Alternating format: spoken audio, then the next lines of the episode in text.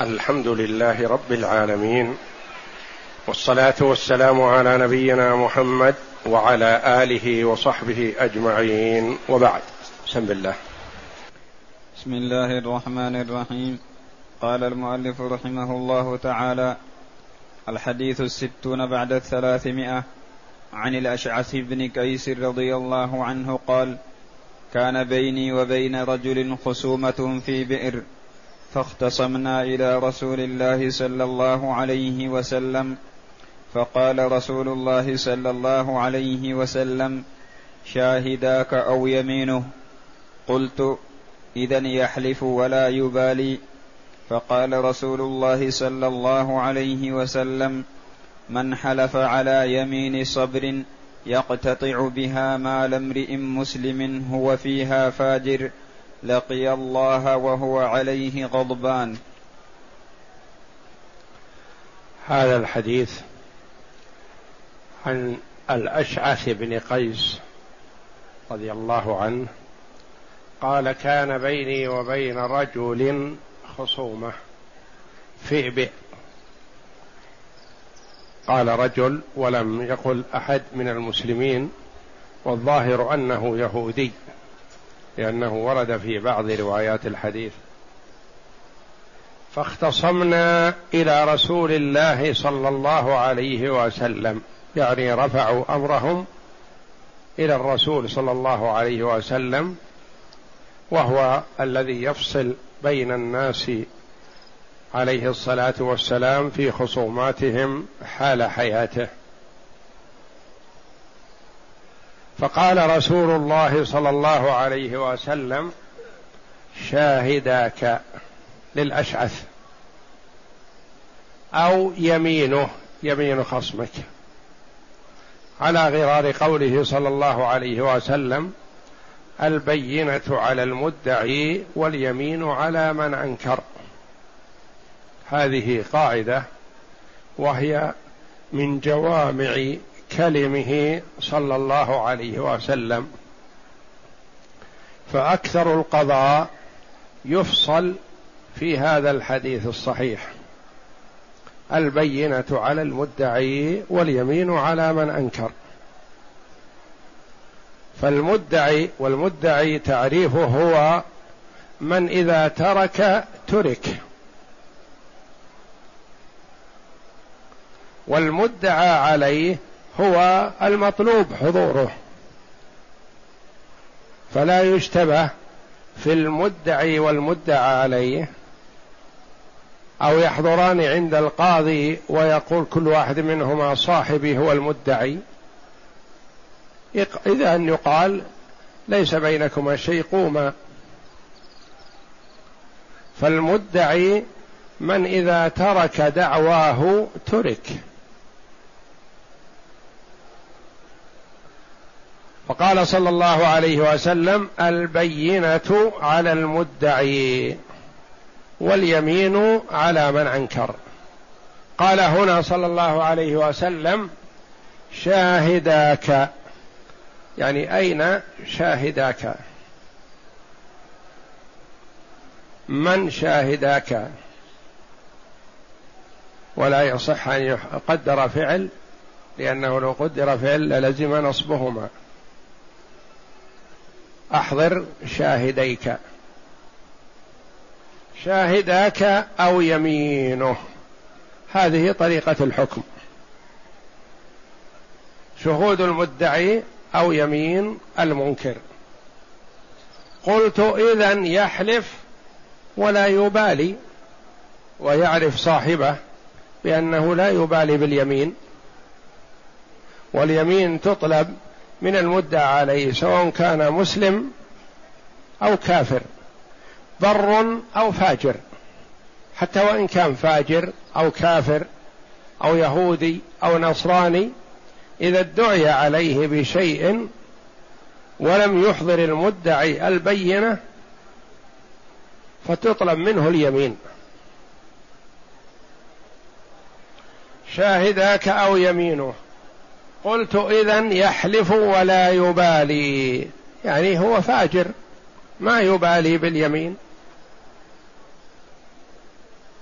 فقال رسول الله صلى الله عليه وسلم من حلف على يمين صبر يقتطع بها مال امرئ مسلم هو فيها فاجر. لقي الله وهو عليه غضبان. هذا أصل في موعظة القاضي للخصمين وخاصة المنكر الذي يكلف باليمين فيعظه القاضي ويبين له أن الأمر ليس بسهل ليس من السهولة بمكان لا يظن أنها يمين وينتهي ويقوم. المسألة فيها وعيد شديد في الدنيا وفي الآخرة. فيها عقوبة الدنيا وكثيرا ما يعجلها الله جل وعلا كما تقدم. وإن أخرها إلى يوم القيامة فالأمر أشد. من حلف على يمين صبر يقتطع بها مال امرئ مسلم. يقتطع بها مال غيره. بهذه اليمين. هو فيها فاجر يعني يعلم أنه كاذب. بخلاف الناس فليس بمتوعد بهذا الوعيد. لقي الله وهو عليه غضبان. وفيها إثبات صفة الغضب لله جل وعلا كما له جل وعلا الرضا. فهو يرضى عن المتقين ويغضب على الكافرين. لقي الله وهو عليه غضبان. وإثبات الصفات على ما يليق بجلال الله وعظمته. واحذر أن تتصور أن غضب الله كغضب المخلوق. واحذر نفي صفة أثبتها الله جل وعلا لنفسه وأثبتها له رسوله صلى الله عليه وسلم. فإياك إياك والنفي واحذر التشبيه والتمثيل بصفات المخلوقين. فالله جل وعلا صفاته تليق بجلاله وعظمته. ولا يتصور المؤمن العاقل أن صفة الله كصفة مخلوق. تعالى الله. والمعنى معلوم وإثبات الصفة التي أثبتها الله لنفسه أو اثبتها له رسوله صلى الله عليه وسلم واجب. كسائر الصفات فمثلا السمع. نثبت لربنا السمع والسمع معناه معلوم وكيفيته الله أعلم بها. فهو جل وعلا يرى ويسمع دبيب النملة السوداء على الصخرة الصماء في ظلمة الليل. وهو جل وعلا مستو على عرشه فوق والعرش سقف المخلوقات فوق المخلوقات كلها.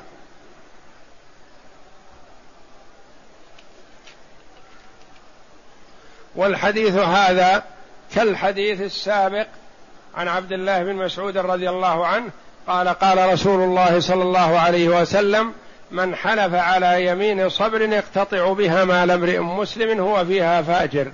لقي الله وهو عليه غضبان. إلا أن حديث الأشعث هذا الذي معنا يبين القصة التي قيل الحديث فيها انه أنها كانت بسبب خصومة بينه وبين رجل آخر.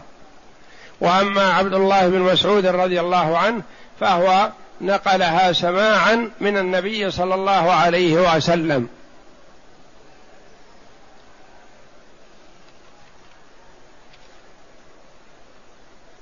وفيها من الفوائد ما سيذكره المؤلف رحمه الله تعالى. اقرأ.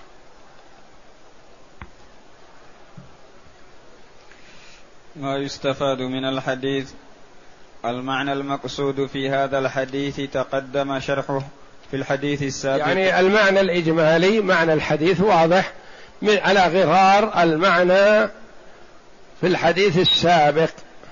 لأن كلاهما لفظهما ومعناهما واحد إلا أن الأشعث بن قيس بين سبب قول النبي صلى الله عليه وسلم من حلف على يمين. نعم. تقدم شرحه في الحديث السابق ويبقى استخراج الفوائد والأحكام ونجملها هنا.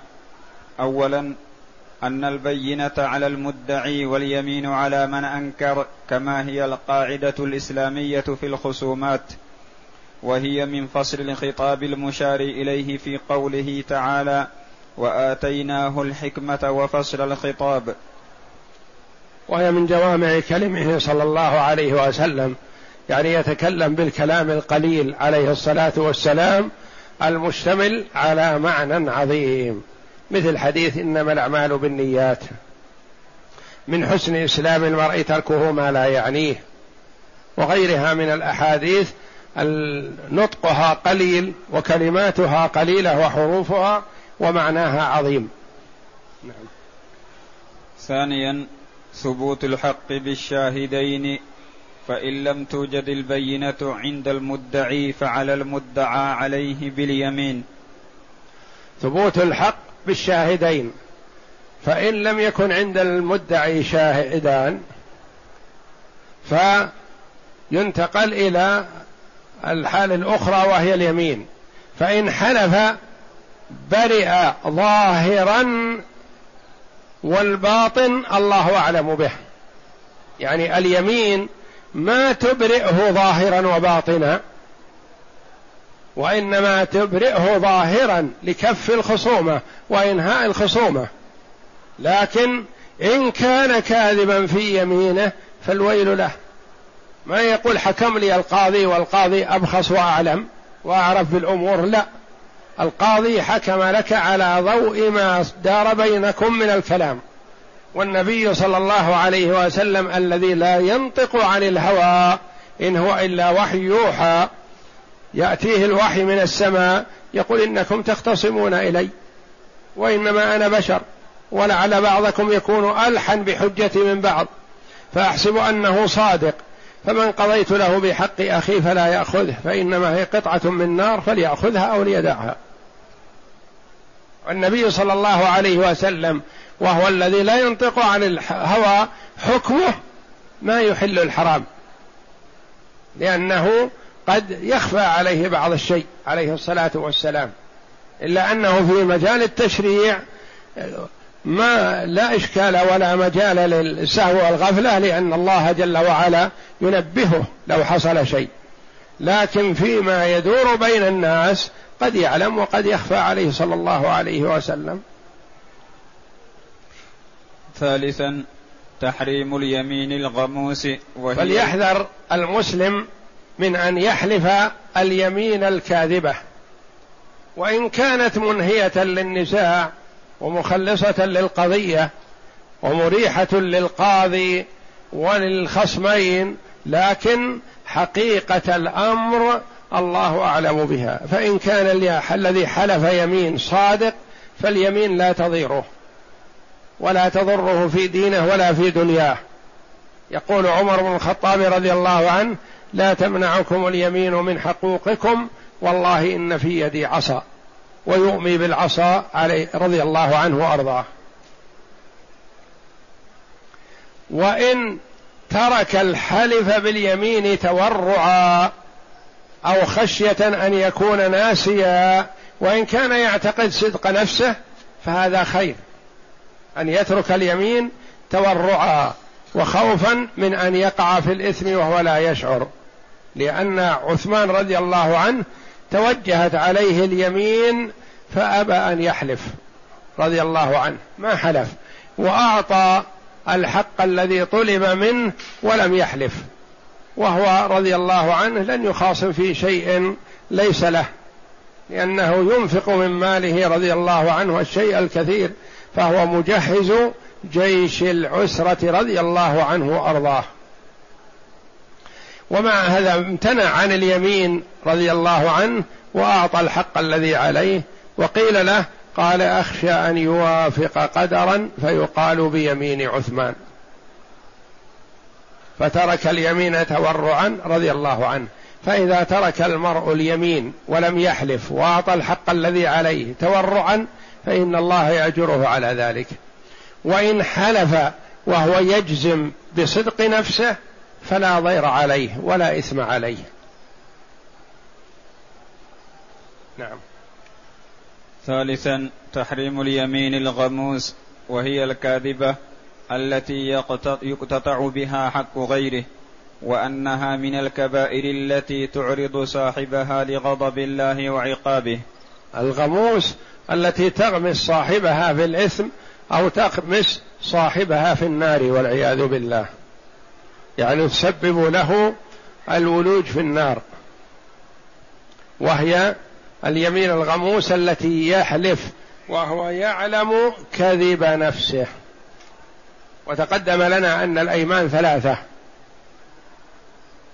لغو اليمين واليمين المنعقدة التي تدخلها الكفارة واليمين الغموس. فلغو اليمين التي يتكلم بها المرء ما قصد اليمين. يتكلم مع صاحبه يقول لا والله وبلا والله. هذه لا إثم فيها ولا كفارة. اليمين المنعقدة التي يحلف على شيء مستقبل. يقول والله لا أفعلن كذا أو لا والله لا أفعل كذا.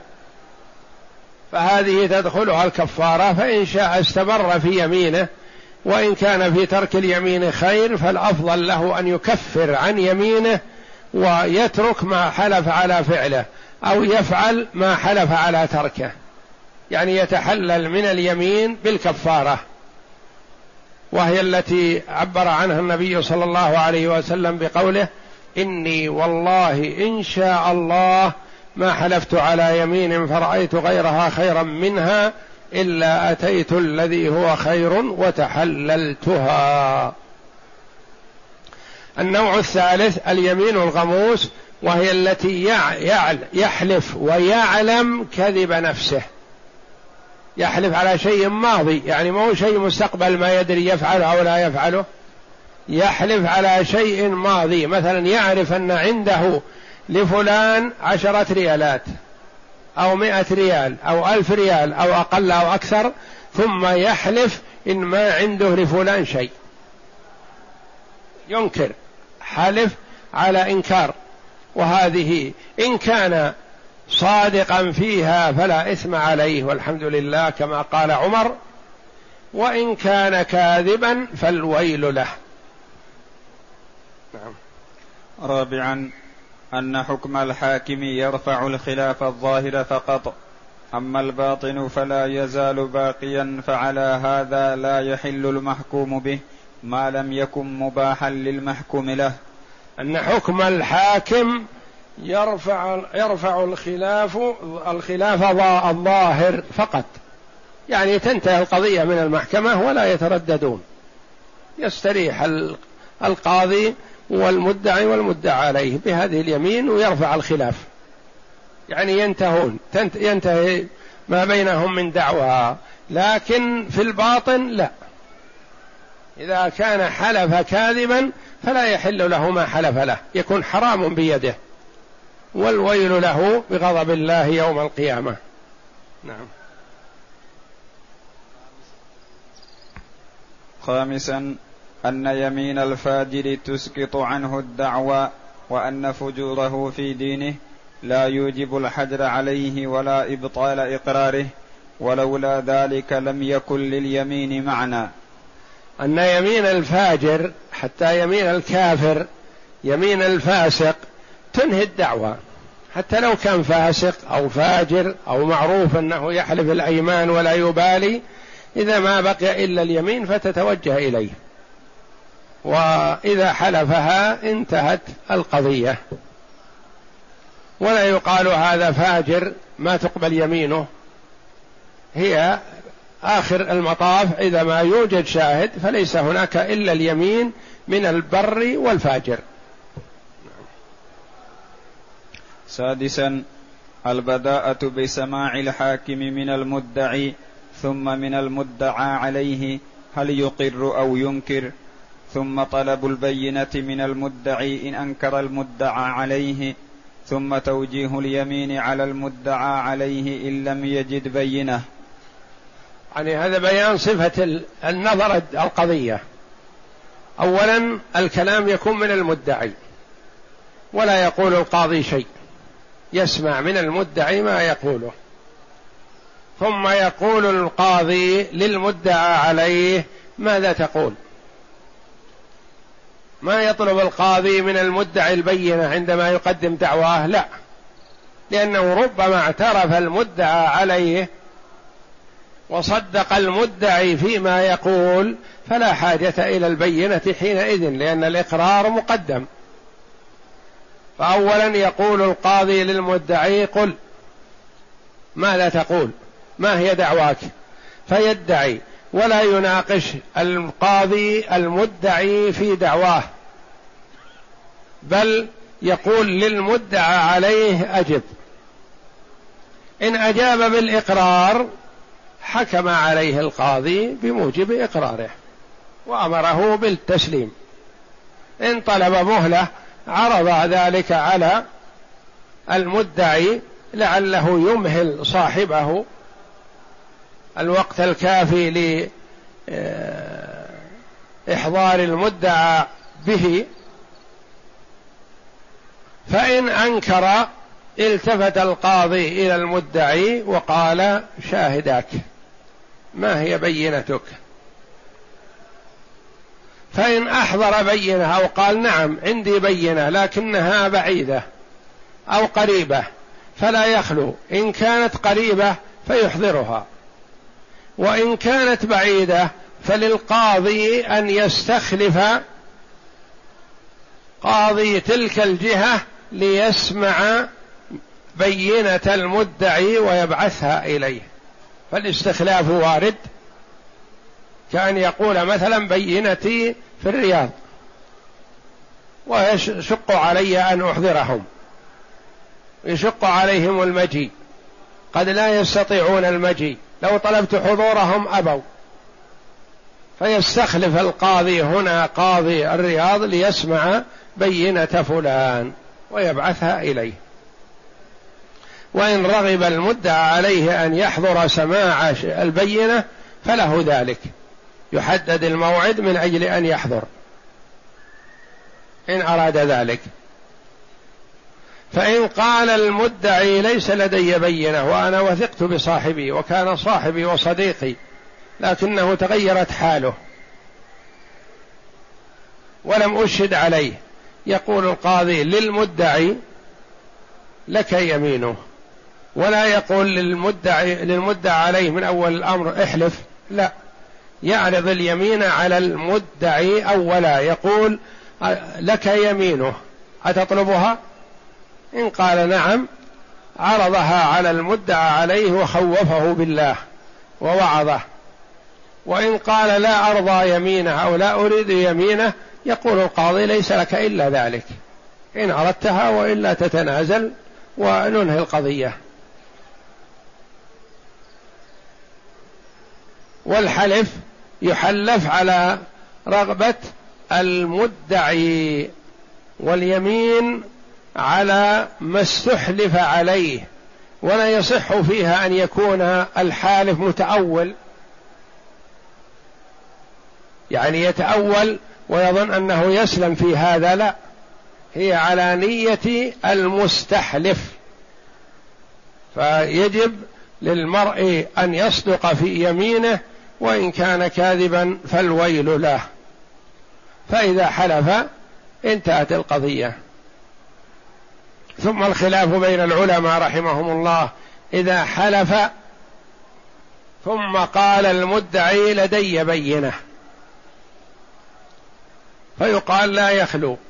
إن ذكر مبرر لكونه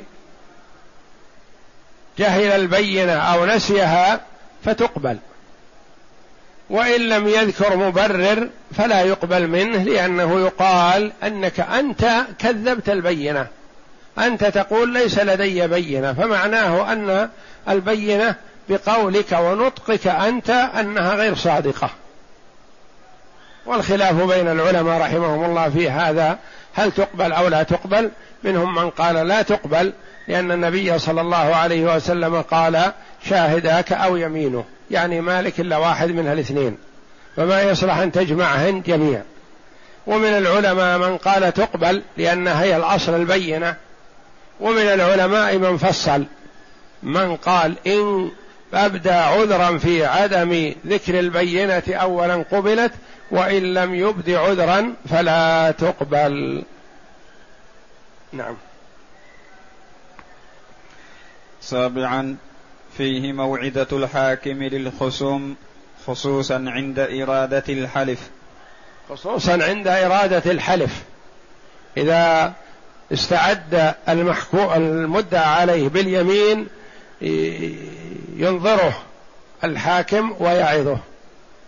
خشية أن يقتحم النار على وجهه فيعظه ويبين له سوء العاقبة وأنه قد يعاقب في الدنيا وفي الآخرة. وكما تقدم فإنه كثيرا ما تعجل العقوبة على الحالف اليمين الكاذبة وهو في المحكمة قبل أن يفارق القاضي. يسقط أو يبتلى بشلل أو بمرض أو بذهاب عقل أو بخبل أو نحو ذلك أو بموت. قد يعجل الله عليه العقوبة لأنه استخف بحق الله تعالى وظن أن الله لا يعلم ما هو عليه. والله جل وعلا لا تخفى عليه خافية وهو جل وعلا يمهل ولا يهمل. فإذا أراد جل وعلا الانتقام فإنه ينتقم كيفما شاء جل وعلا نعم سادسا تغليظ حقوق المسلمين في قليل الحق وكثيره. فحق المسلم شأنه عظيم. حق الله جل وعلا مبني على التسامح والعفو والله جل وعلا جواد كريم. قد يسيء المرء في حق الله تعالى ثم يقول اللهم اغفر لي أو يضرع إلى الله في جوف الليل فيغفر الله له ويخرج من ذنوبه كلها. أما حقوق العباد فهي مبنية على المشاحة يعني ما فيها مسامحة. حقوق العباد إما أن تؤدى في الدنيا أو يأخذها الله جل وعلا من العبد في الدار الآخرة ويعطيها لصاحبها. وفي الآخرة لا درهم ولا دينار لا ريالات ولا آه، متاع ولا آه، طعام ولا غير ذلك وإنما هي الحسنات والسيئات. فمن كان معه حسنات أخذ من حسناته لأصحاب الحقوق. فإذا فنيت حسناته ما تترك الحقوق تؤخذ يؤخذ من سيئاتهم ويطرح عليه والعياذ بالله. فتكون حسناته ذهبت وتحمل سيئات غيره ثم يطرح في النار والعياذ بالله. تاسعا. أن اليمين الغموس ونقض العهد لا كفارة فيهما لأنهما أعظم وأخطر من أن تحلهما الكفارة. فلا بد من التوبة النصوح والتخلص من حقوق العباد. نقض العهد في قوله تعالى إن الذين يشترون بعهد الله وأيمانهم ثمنا قليلا. نعم. فلا بد من التوبة النصوح والتخلص من حقوق العباد. فالتوبة النصوح إن كانت المعصية والذنب يتعلق بحق الله تعالى فالتوبة النصوح ثلاثة شروط. وهي الإقلاع عن الذنب والندم على ما مضى والعزم على ألا يعود. يقول رب اغفر لي أستغفر الله وأتوب إليه وهو مصر على ذنبه. ما هذه توبة النصوح هذه توبة الكذابين.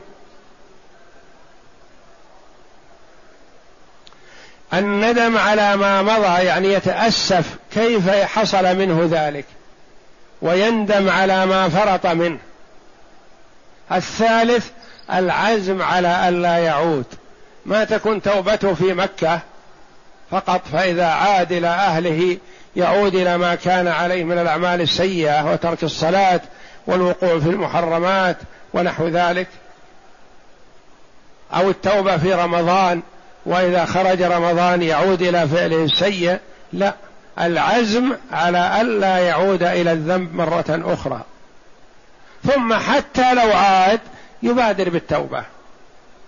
يعني هو يعزم على ألا يعود لكن لو عاد ما نقول بطلت توبته ولا يقبل منه توبة لو عاد يتوب من جديد. هذه ثلاثة. الإقلاع عن الذنب إذا كان يترك الصلاة أو يتساهل فيها أو يقع في المحرمات يشرب الخمر أو يفعل الأفعال السيئة يقلع عنها ويبتعد عن المحرم ويفعل الواجب. والندم على ما حصل منه والعزم على أن لا يعود إلى الذنب مرة أخرى. هذه ثلاثة شروط. الرابع إذا كان الحق يتعلق بحق آدمي. إذا كان الذنب يتعلق بحق آدمي. لا بد من استحلاله أو رد الحق إليه. قال بعض العلماء إذا كان يتعلق بحق آدمي وتظن أنك لو استحللته ما حل لك. ثم تنشأ العداوة بينك وبينه من جديد. قال تدعو له وتستغفر له وتذكر محاسنه. مثلا أنت اغتبت مسلم فتظن أنك لو قلت له يا أخي حللني أنا اغتبتك. تظن أنه يقول الله لا يحللك. ولا يسامحك ولن أحللك لا في الدنيا ولا في الآخرة.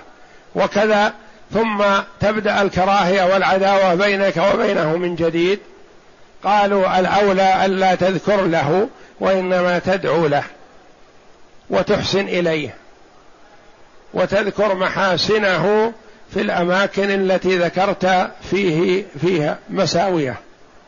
فلعل هذا يكفي. وإن ظننت أنه يحللك فهذا أولى. وإن كان حق فرد إليه حقه. إن ظننت أنه يتأثر من هذا أو أنت تستحي أن تقول خذ هذا المال أنا سرقته منك. أو اختلسته أو ظلمتك فيه أو نحو ذلك. رده إليه بطريق غير واضحة بأنك أنت المباشر للذنب هذا والسرقة أو الخيانة. قل هذا أرسل معي إليك من شخص ظلمك أو أخذه منك ويستحيي أن يظهر بين يديك. أن تعلمه. أو نحو ذلك من من الأمور التي تستطيع توصل المال إليه ولا يلزم أن تقول سرقته منك أو اختلسته أو ظلمتك فيه أو نحو ذلك.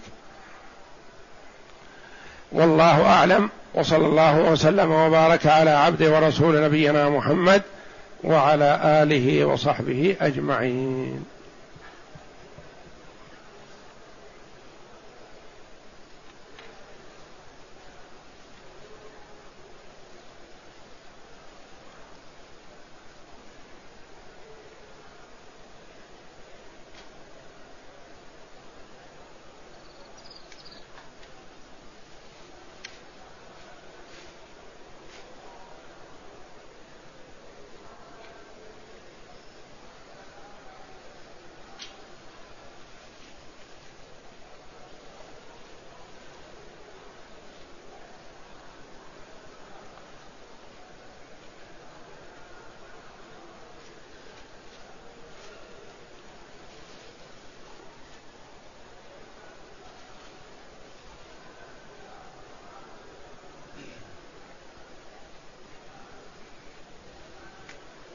يقول رجل نزغ الشيطان بينه وبين زوجته فطلقها فلما انقضت عدتها أراد الرجل أن يراجعها ويتزوجها بعقد جديد وهو وهي تريد كذلك لأن بينهما أولاد.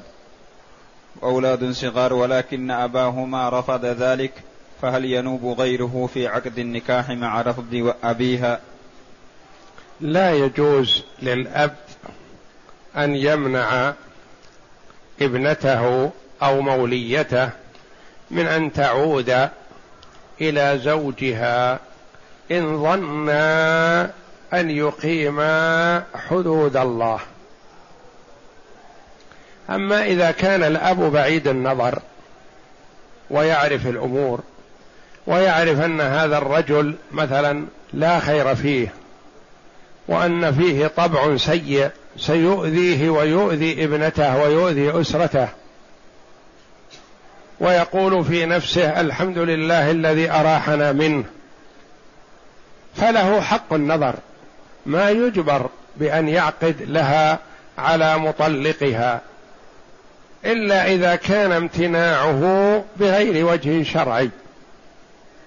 فالقاضي مثلا يحضره ويسأله.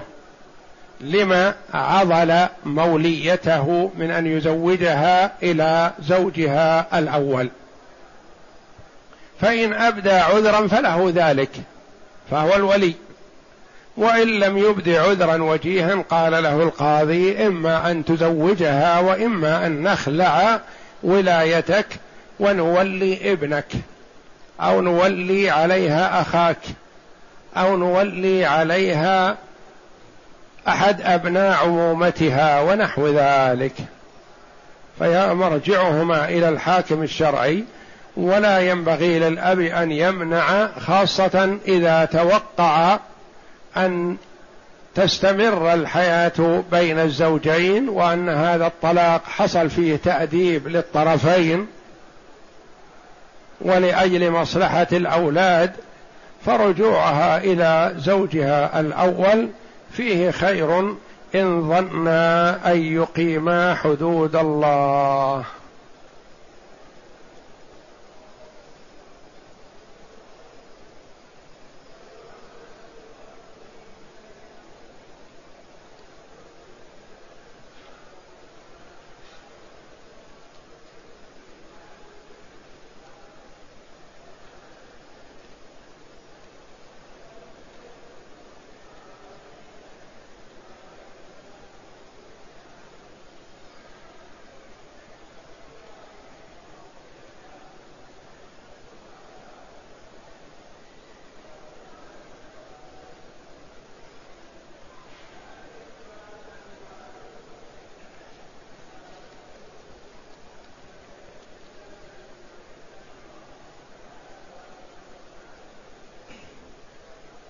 يقول أنا من سكان مكة قمت بأداء عمرة ولم أذهب إلى الحل فماذا أعمل إذا كنت قد أحرمت من بيتي؟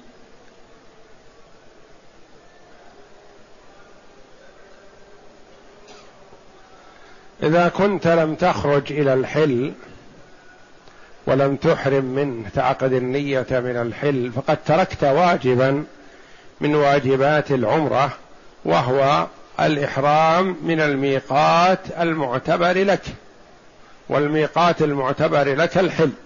فتركت واجبا فيكون عليك هدي وعمرتك صحيحة إن شاء الله.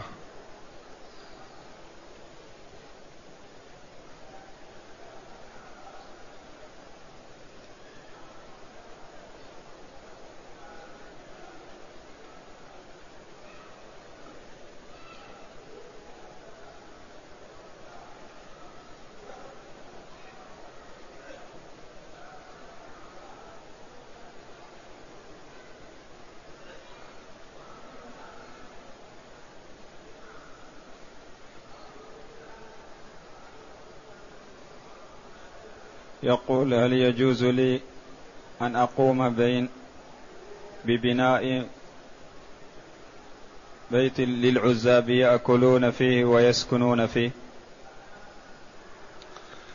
إطعام الطعام وإيواء من لا مأوى له حسن وتؤجر عليه.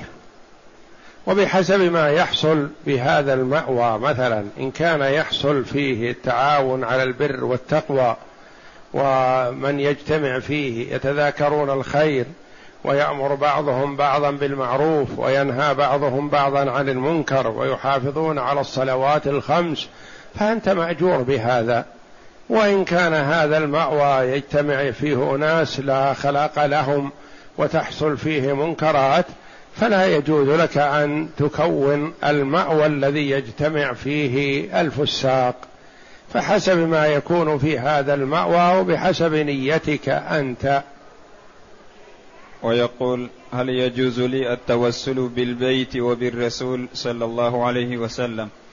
لا يجوز أخي أن تتوسل بالبيت شرفه الله ولا بالنبي صلى الله عليه وسلم وإنما توسل إلى الله بأسمائه الحسنى وصفاته العلى. توسل إلى الله بما توسل به الصحابة رضي الله عنهم. الصحابة رضي الله عنهم لا أحد يحب النبي صلى الله عليه وسلم كحبهم إياه. وهم أعلم الناس بالسنة. ما توسلوا إلى الله بالرسول صلى الله عليه وسلم. توسلوا إلى الله بدعاء الرسول حال حياته نعم. يأتي الواحد منهم ويقول يا رسول الله ادعو الله لي بكذا.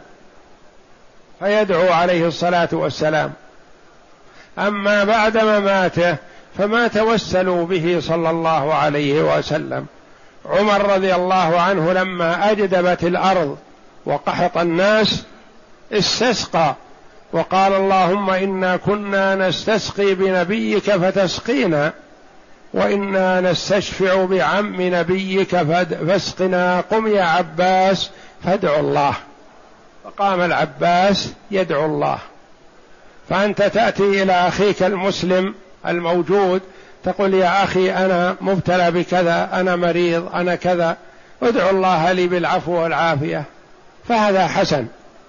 وأما أن تتوسل تسأل الله بجاه النبي صلى الله عليه وسلم فهذا لا يجوز لأن ما علاقتك أنت بجاه النبي صلى الله عليه وسلم؟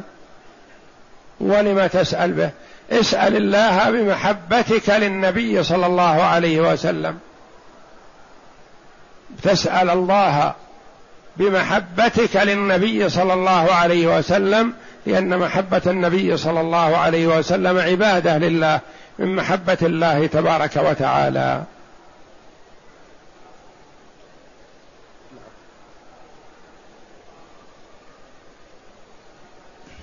يقول هل يجوز لي أن أقول سيدي محمد صلى الله عليه وسلم؟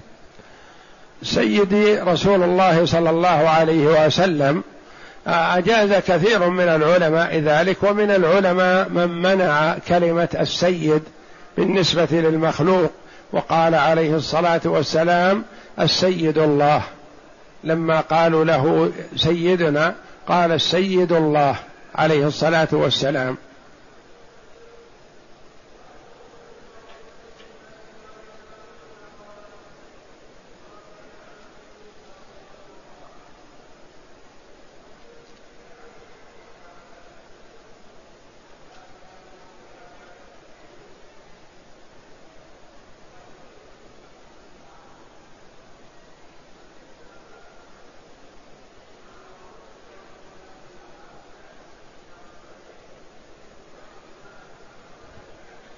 يقول السائل كيف زوج النبي صلى الله عليه وسلم ابنته لكافر؟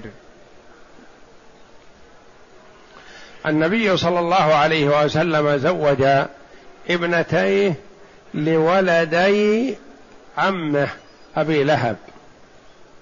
وهل التزويج قبل نزول الوحي على النبي صلى الله عليه وسلم أم هو بعد نزول الوحي وقبل أن يأتي التشريع بمنع تزويج الكافر من المسلمة. الله أعلم بذلك.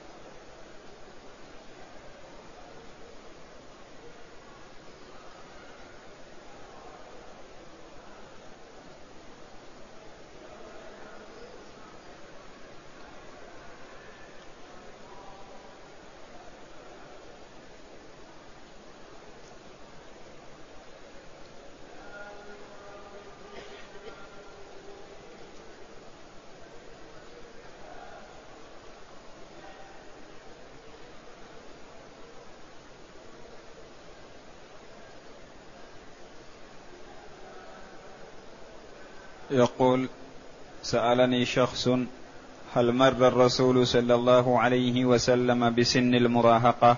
فبماذا أجيبه؟ النبي صلى الله عليه وسلم كان في شبابه صغره وشبابه وكهولته كلها على أحسن خلق كما وصفه ربه جل وعلا. ولا يقال إن كل شخص يمر بسن المراهقة. أما السن فكل شخص يمر بالسن لكن هل يكون له جهل في وقت المراهقة؟ ما كل الناس كذا. ومن السبعة الذين يظلهم الله في ظله يوم لا ظل إلا ظله شاب نشأ في طاعة الله. ويعجب ربنا من شاب ليس له صبوة يعني ما يجهل. يكون من صغره حتى كبر وهو على خير وعلى حسن خلق. فما يقال ولا يليق ولا يصح أن يقال إن النبي صلى الله عليه وسلم مر بسن المراهقة يعني حصل منه جهل ما حصل منه شيء من ذلك صلوات الله وسلامه عليه. وهو في حال صغره يلقب بالصادق الأمين صلوات الله وسلامه عليه. قبل أن يوحى عليه يأتيه الوحي يلقبه الناس بالصادق الأمين.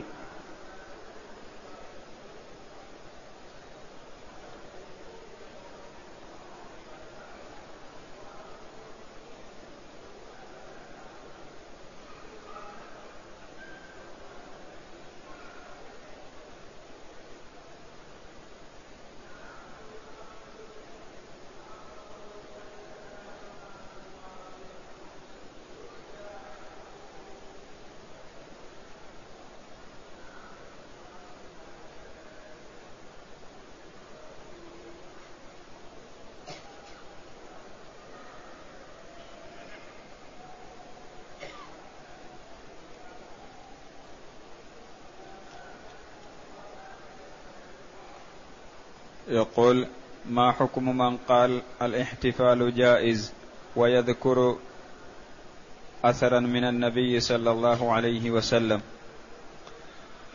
الاحتفال بنية التعبد لله وأنه عبادة الذين يفعلونه على أنه عبادة والعبادات توقيفية. فما يجوز لنا أن نتعبد الله بشيء لم يشرعه النبي صلى الله عليه وسلم. فالنبي صلى الله عليه وسلم ما احتفل وما أمرنا بذلك. صام يوم الاثنين ويوم الخميس وحثنا على ذلك فنبادر. ما أمرنا به فعلناه وما نهانا عنه اجتنبناه. قال عليكم بسنتي وسنة الخلفاء الراشدين المهديين من بعدي تمسكوا بها وعضوا عليها بالنواجذ. وإياكم ومحدثات الأمور فإن كل محدثة بدعة. كل محدثة بدعة وكل بدعة ضلالة وكل ضلالة في النار. والصحابة رضي الله عنهم يحبون النبي صلى الله عليه وسلم حبا شديدا لا أحد يحب النبي مثل حبهم إياه. وما احتفلوا وما احتفل التابعون ولا الأئمة الخيار من هذه الأمة رضي الله عنهم ورحمهم. وإنما احتفل بذلك الفاطميون وهم أهل بدعة وقلدوا النصارى ولم يقلدوا المسلمين. فالاحتفال متابعة للفاطميين المبتدعة وتقليدا للنصارى الكفار. والواجب على المسلم التمسك بسنة رسول الله صلى الله عليه وسلم وما أخذ امرؤ ببدعة إلا وترك ما يقابلها من السنة. فالواجب على المسلم التمسك بسنة النبي صلى الله عليه وسلم والواجب عليه العض عليها بالنواجذ والبعد عن البدع والمحدثات.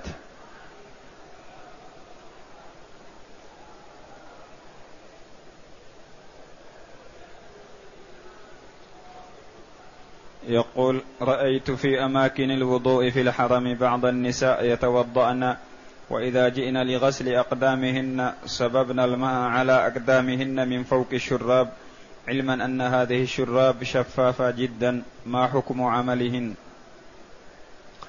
اولا الواجب على النساء الابتعاد عن الوضوء في الأماكن القريبة من الرجال والمكشوفة. فلا تبرز المرأة وجهها أمام الرجال الأجانب ولا ذراعيها ولا رجليها ولا شيئا من جسدها. الواجب عليها أن تستر جميع بدنها. وإذا توضأت غسلت أعضاءها بمكان بعيد عن الرجال وكان عليها في رجليها شراب مثلا وغسلت رجليها من فوق الشراب فلا مانع من هذا ما دام أن الماء يمر على البشرة ويغسلها فيكفي هذا. ما يلزم أن يكون مباشر. يعني لو كان من وراء الشراب فلا حرج بشرط الا أن تكون الشراب لا تمنع وصول الماء إلى العضو.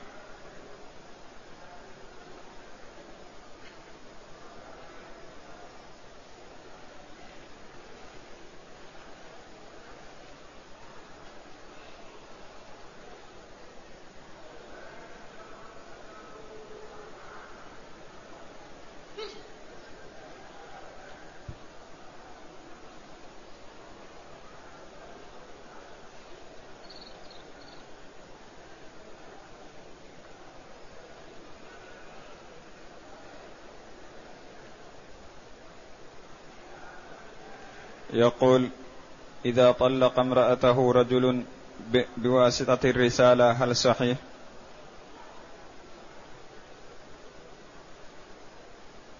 إذا طلق زوجته برسالة أو بمشافهة أو بصك صادر من القاضي أو كاتب العدل أو نحو ذلك كل هذا يقع أو بإقراره وكتابته مثلا. كل هذا يقع وهو بحسب ما طلق. إن كان طلق واحدة طلقة واحدة فله الرجعة ما دامت في العدة إذا لم تكن بعوض. أو اثنتين. وإذا طلقها ثلاثا فلا تحل له حتى تنكح زوجا غيره.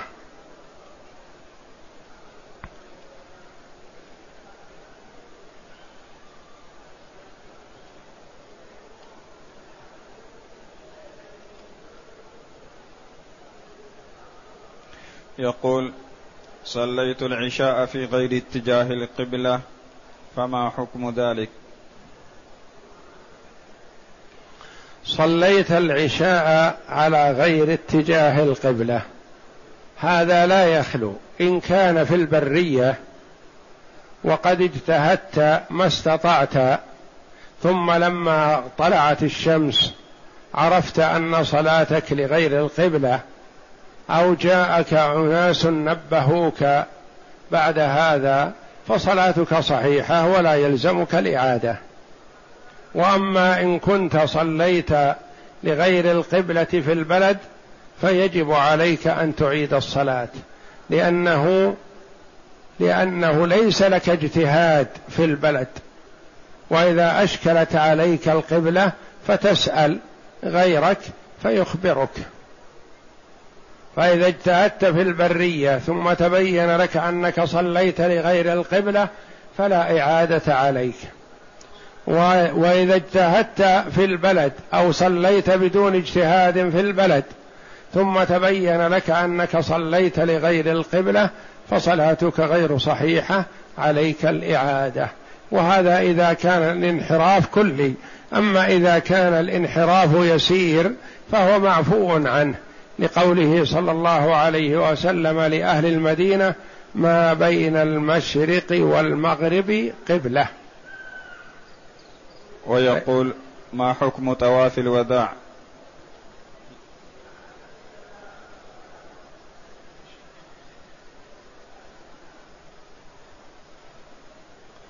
طواف الوداع محل خلاف بين العلماء رحمهم الله. بعض العلماء يقول يجب طواف الوداع في العمرة كما يجب في الحج. وبعضهم يقول يجب في الحج فقط ولا يجب في العمرة.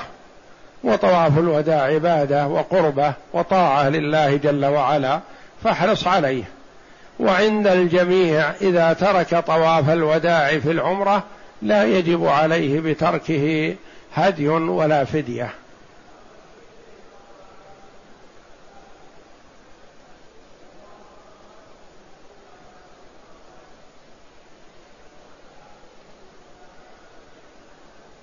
يقول نريد السفر إلى المدينة المنورة يوم الجمعة بعد صلاة الجمعة ويشق علي الطواف وقت الظهيرة. فهل أطوف بعد صلاة الفجر ثم أصلي الجمعة وأسافر؟ أو ما هي الطريقة المثلى؟ عليك أخي أن تطوف للوداع في الوقت الذي لا يشق عليك. فلا تجعل الطواف بعد صلاة الفجر مثلا مباشرة. والسفر بعد صلاة الجمعة ولا يلزمك أن تؤخر الطواف إلى ما بعد صلاة الجمعة أو إلى ما قبل صلاة الجمعة في وقت الظهيرة وشدة الحر وإنما في الوقت الذي تستطيع الطواف إليه وهو أقرب وقت إلى سفرك.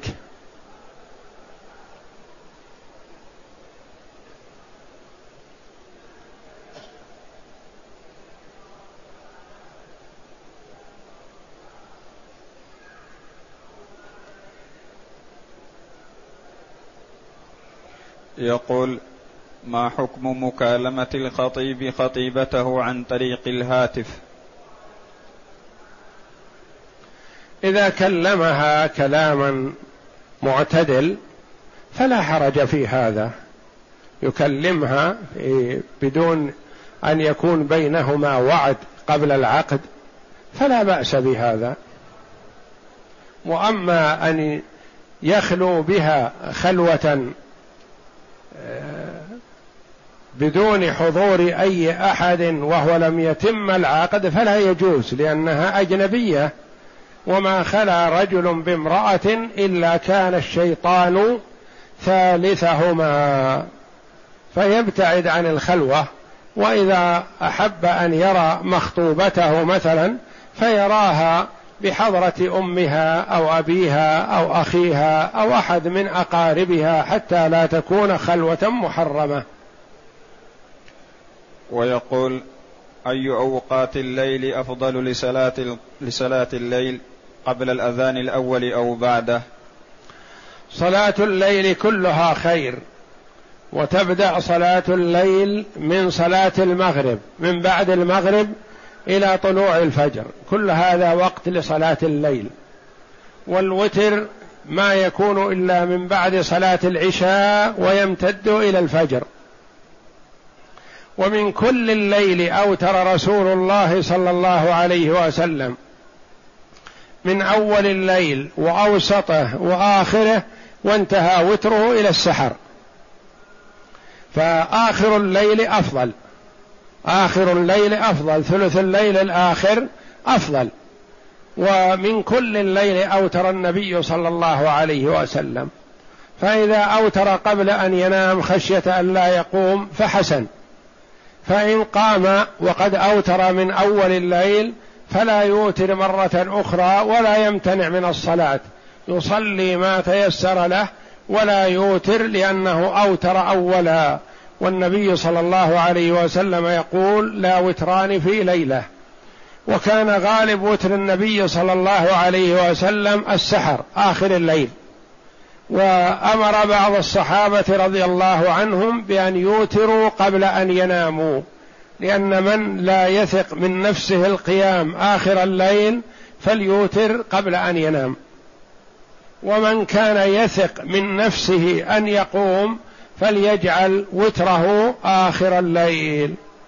فإذا ظن أنه يقوم ثم لم يقم فاستحب أن يق... فيستحب أن يقضيه ضحى شفعا لا وترا. يعني يصليه قضاء ضحى ركعتين ركعتين ولا يوتر الضحى بركعة.